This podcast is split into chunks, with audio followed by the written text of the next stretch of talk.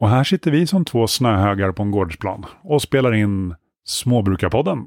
Jajamensan. Det är dags igen för ytterligare ett avsnitt. Mm. Som vanligt så hittar du oss i alla sociala medier. Vi är inte alla, men de flesta. Sök på Småbrukarna på Lilltorp Mm. så kommer du hitta oss. Mm. Och idag tänkte vi göra lite annorlunda för att eh, först ska vi prata om några böcker som vi har läst. Mm. Och sen ska vi prata om ett eh, koncept som vi tänkte dra igång med, med dokumentärer. Mm. Så vi, vi börjar med eh, böckerna. Ja.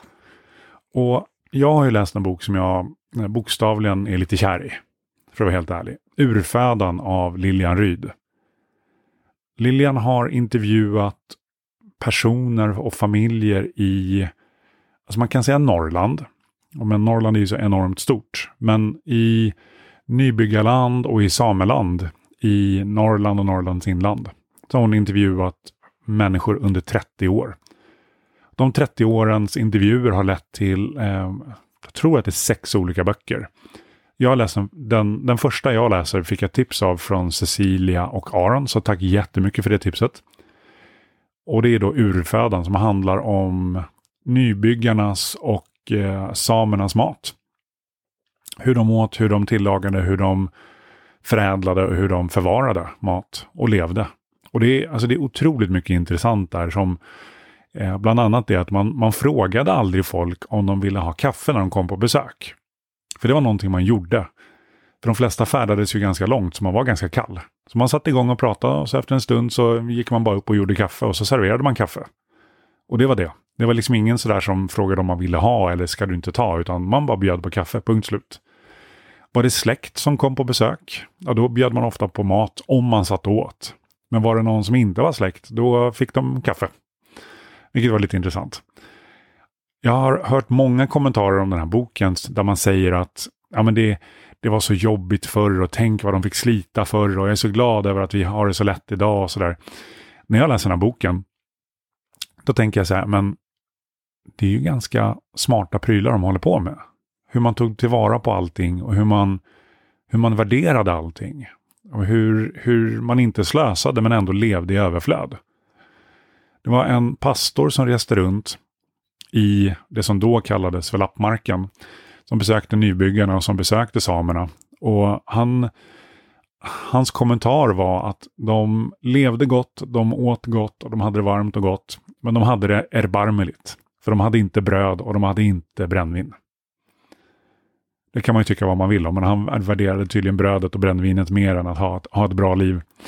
Så det är lite intressant hur många av de betraktelserna som har varit kring lappmarken, det är det uttrycket som används ganska ofta i boken, och nybyggarnas liv har varit utifrån andra som har betraktat deras liv utifrån sina värderingar. Ofta de här betraktarna varit, varit på platsen under väldigt kort tid, kanske bara någon dag, och sett liksom enstaka saker och sedan dragit väldigt stora växlar på det.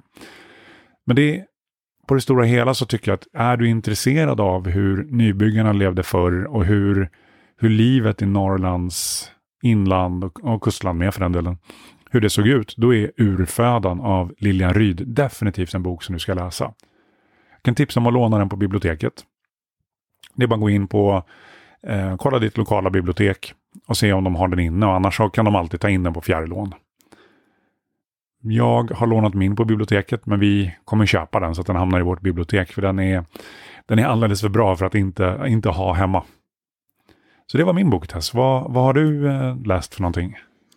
Jag har läst eh, Stefans lilla gröna av Stefan Sundström. Och jag, jag är inte supermycket för att läsa böcker på det här sättet. Egentligen det enda jag läser är deckare. men eh, men eh, det var en skoluppgift så att jag plöjt igenom hela boken. Och då måste jag säga så jag älskar ju papper och, och så. Och hålla i den här boken är en härlig känsla. Den är tryckt på ett väldigt tjockt papper och eh, eh, har en väldigt trevlig storlek och känsla att hålla i. Så att om man är en sån som jag som gillar liksom pappersprodukter så att läsa den här liksom fysiskt, att faktiskt få hålla i boken, tycker jag är helt klart att föredra jämfört med att läsa den digitalt. Jag tror att den förlorar mycket av sin skärm digitalt. Det är en bok som innehåller väldigt mycket bilder och också därför så tycker jag att man borde ha den liksom eh, lånad på biblioteket eller möjligtvis inköpt. För att jag tycker liksom inte att bilderna riktigt kommer till sin rätt när man läser det eh, i ett digitalt media. Eh, boken är en slags mix mellan Stefans berättelse om odling, hans erfarenheter eh, och även eh, väldigt mycket personporträtt och eh, anekdoter ifrån folk han känner. Eh, kombinerat med eh, recept. Så jag vet inte riktigt vad man ska klassificera den här boken som. Det är ju inte en kokbok, eh, utan det är mer som en eh, fakta och inspirationsbok som också har recept i sig. Så att eh, kategorimässigt så har jag inte en aning om vad den kallas för. Eh, men det är en väldigt lättläst bok, den är väldigt luftig, den har mycket bilder och eh, är väldigt lättskriven. Så att eh, det är inte svårt att ta sig igenom den överhuvudtaget, utan det går fort att läsa den här boken om, om man är sån liksom. Eh, han skriver otroligt personligt och eh, det ger hela boken en jätteskön stämning. Det kanske var det som var det skönaste när jag kom in i boken, att han, han skriver på ett sådant skönt, lite Stockholmssätt tycker jag han uttrycker sig. Eh, och eh, det, det, är väldigt kul att läsa för han har liksom en sån glädje i allt han gör. Han älskar ju verkligen sin odling och han har liksom en tanke med den. Receptmässigt så måste jag säga att boken, jag vet inte vad den innehåller, en 12-15 recept eller någonting. Eh, eh, recept som jag aldrig har sett förut överhuvudtaget. Så där kan man säga att det, det liknar ju inte någon av de kokböckerna jag någonsin har sett eh, på marknaden. Det är väldigt konstiga recept. Det är, ett är eh, blodpalt på lamm, lammblod eller någonting sånt. Eh, och sen är det eh, surkål, det är ju kanske det minst konstiga av alltihopa och eh, några såser så som man har gjort. Men det är väldigt mycket recept som är syrade. Så det är någon dryck som heter kvass som är någon slags mjölksyrad dryck. Eh, och som ska vara då väldigt nyttig och så, som allt, allt syrat ska vara nu för tiden är väldigt nyttigt. Eh, men sen är det också surmört och eh, surabborre kanske det var. Nu har du ju min uppmärksamhet här. Ja. ska vi göra? Alltså, han, Stefan beskriver ju då hur han älskar surströmming, till och med doften av surströmming och tycker det är så fantastiskt. Och eh, att han då älskar sånt som eh, annan surfisk, det kanske inte är så himla konstigt. Jag håller mig väldigt långt bort ifrån allting sånt. Jag tycker det eh, luktar inte särskilt trevligt och det är ingenting jag skulle vilja prova att äta. Eh, han skriver också om något norskt recept på någon, eh, om det hette rak sill, eller jag kommer inte ihåg. Eh, men i alla fall, det var en norsk variant på surströmming, typ. Eh, och sen så fanns det någonting som var ännu mindre lockande, som var någon eh, syrad geggamoja av fiskrens, eh, som man använde på något sätt. Jag önskar att vi hade det här videofilmat, för ni ska se hennes uttryck när hon... Alltså det hon har svårt att ta de här orden i sin mun, det syns. Mm. Eh, så jag skulle ju definitivt inte lånat eller köpt boken för recepten. Men med det sagt så måste jag säga att det är ändå väldigt roligt att recepten är som ingenting jag någonsin har sett. För att det ger ju liksom en känsla i boken som, som är väldigt trevlig, att den liksom inte är på något sätt repetitiv. För annars tycker jag att de flesta böcker med recept idag innehåller bara varianter på samma, samma liksom. Eh, han har ju lite olika folk i boken som han berättar om, som har inspirerat honom till eh, allt möjligt inom odling. Eh, och eh, de får också komma till tals ibland och tycka till med olika saker och bidra med olika inspirationsgrejer och sånt. Och det är också väldigt trevligt att, att det är lite uppblandat. Och fotona beskriver ju också mycket tycker jag, liksom kanske inte i hans vardag, men i hans liv, där man ser honom eller hans vänner som gör olika saker inom matlagning och odling, som ju boken handlar om. Så jag tycker absolut att det är en läsvärd bok. Eh, och eh, ja, jag skulle kunna köpa den bara för att den var så trevlig att hålla i. Men det är inget som jag känner att jag måste ha i mitt bibliotek. Eftersom jag är personligen inte så intresserad av det här med att syra sånt som fisk och sånt. Men gillar man det så, så då är ju nog boken absolut intressant för att den har ju väldigt mycket av de här riktigt konstiga sakerna i sig. På slutet så finns det också ett eh, avsnitt om tobak och för många som röker eller snusar så kanske det är väldigt intressant. han gör ju sitt eget snus och han skriver så fantastiskt i början hur han kände liksom att han åtminstone kunde snuva staten på några kronor där när han började liksom att bli självförsörjande på eget snus. Och den känslan tilltalade mig och den sätter också lite tonen i hela boken. Liksom. Eh, så det finns ett recept på snus.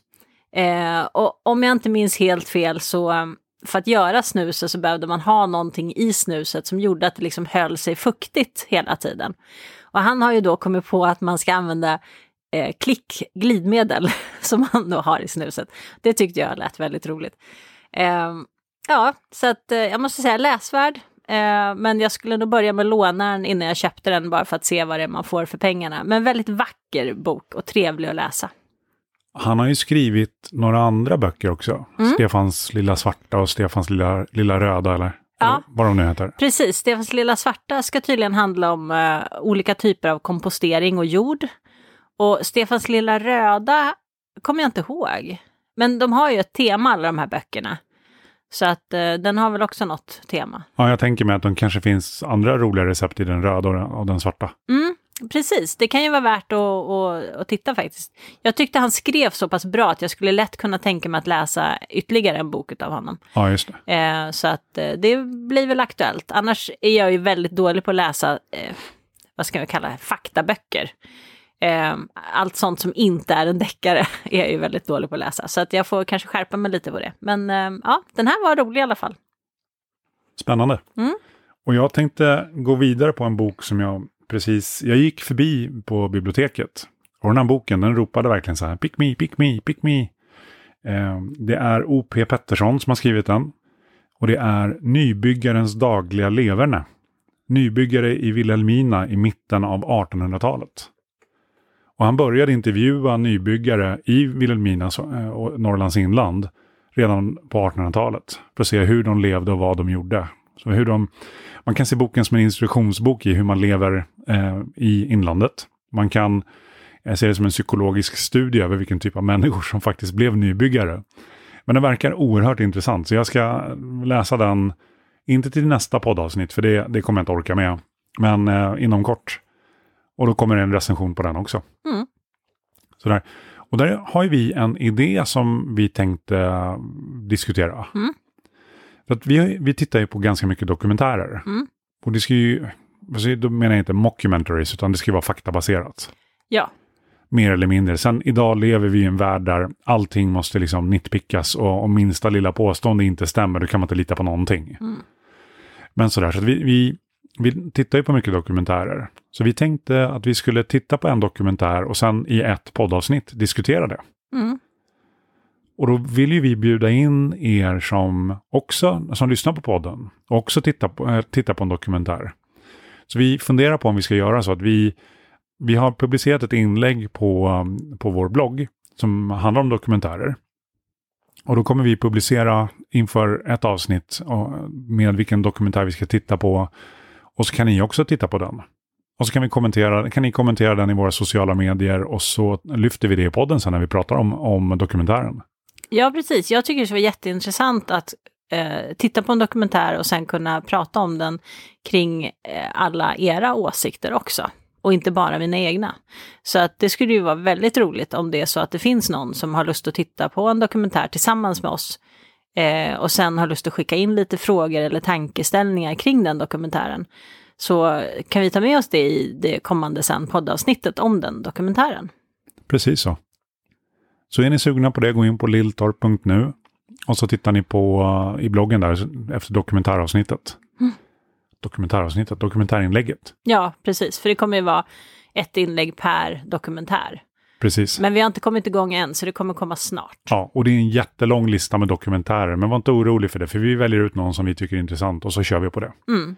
Så får vi se, det är lite grann som en bokcirkel. Ja, precis. Eller det, det går ju bra också att skicka in en alltså ett önskemål och säga, kan inte börja med den här dokumentären? För vi har ju ingen preferens egentligen kring vilken dokumentär vi börjar med. Nej. Så att om det är någon som väldigt gärna vill börja med en speciell dokumentär så det är bara att hojta i så fall.